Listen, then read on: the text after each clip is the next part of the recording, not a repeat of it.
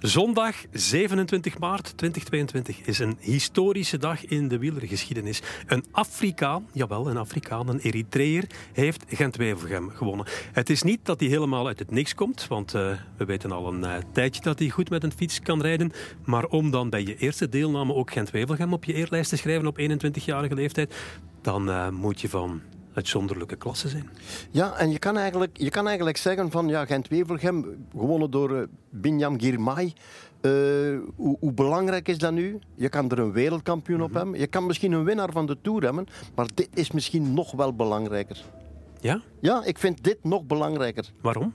Ja, omdat het uh, geschiedenis is. Hier heeft misschien ooit wel als een, een toerwinnaar gewonnen. Mm -hmm. uh, Bernard Hinault heeft hier gewonnen met een geweldige solo. Dus ik bedoel, dat staat allemaal al vast. Maar dit is de eerste Afrikaan die een klassieker wint. Ja. Is dit de mogelijke katalysator naar de nog grotere internationalisering van het wielrennen in de wereld? Want ja, als je heel dat Afrikaanse continent kunt meekrijgen voor de wielersport, dan ben je wel uh, heel ver. Ja, dan ben je heel ver. We hebben we komen van een periode waar de Noren kwamen met Knut Knutsen. We kwamen dan Australiërs. Ellen Piper was een van de eerste die naar Europa is afgekomen. Er zijn er nog wel een deel andere bijgekomen. Dan krijgen we nog wel een deel van andere continenten en zo. Maar dit is nu echt wel de eerste die ook echt meespeelt. En de manier waarop. En de leeftijd. Ja. Uh, in een opwelling na de finish zei je... hij moet blijven nog een week. Hij moet de Ronde van Vlaanderen rijden. Nee, nee. Na het commentaar, toen de adrenaline een klein beetje was ingezonken, zei je, ze mogen hem dat niet aandoen. Naar nee, huis. we waren het er net over eens. Men, nu komt er een heel belangrijke taak voor die mm -hmm. toch wel kleine ploeg. Wel een pro-tour ploeg, maar wel een van de kleinere. Men moet hier nu echt wel heel veel werk van maken van deze diamant. Het is een Afrikaanse diamant. Het is, een gouden, het is een, geen gouden diamant. Het is een hele grote diamant die nog moet verder geslepen worden. En daar gaan ze heel veel tijd en energie moeten insteken. Maar het is een, het is een geweldig schitterend ding. Ja, het is een, uh, een schitterend product om het wielrennen mee te promoten. Het lijkt mij een hele intelligente, clevere boy.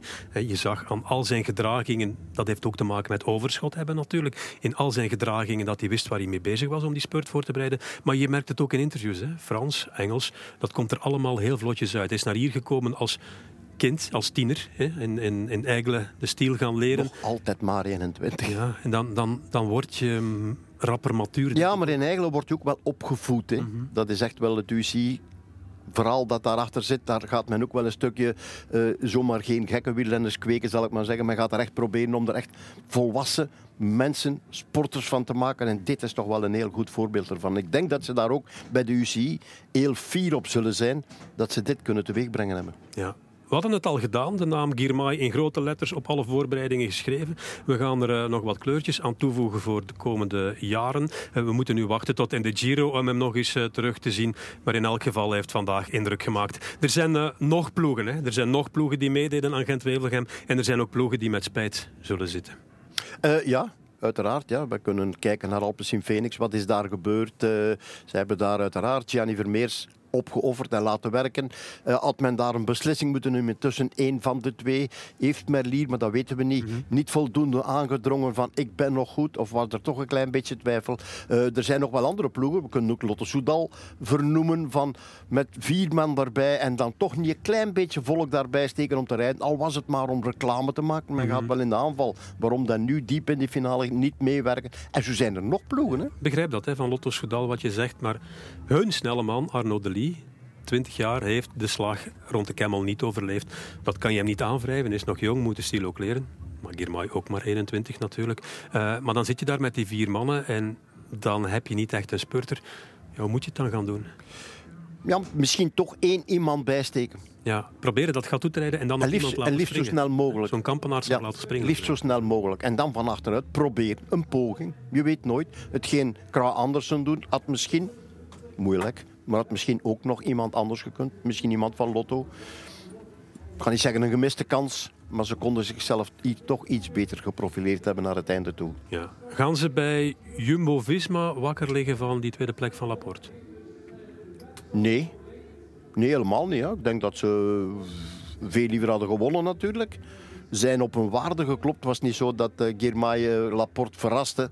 Uh, verrast, Laporte kon zelfs 100 meter in het spoor zitten van Girmay en er dan proberen uitkomen wat niet lukte. Dus gewoon op zijn complete waarde geklopt.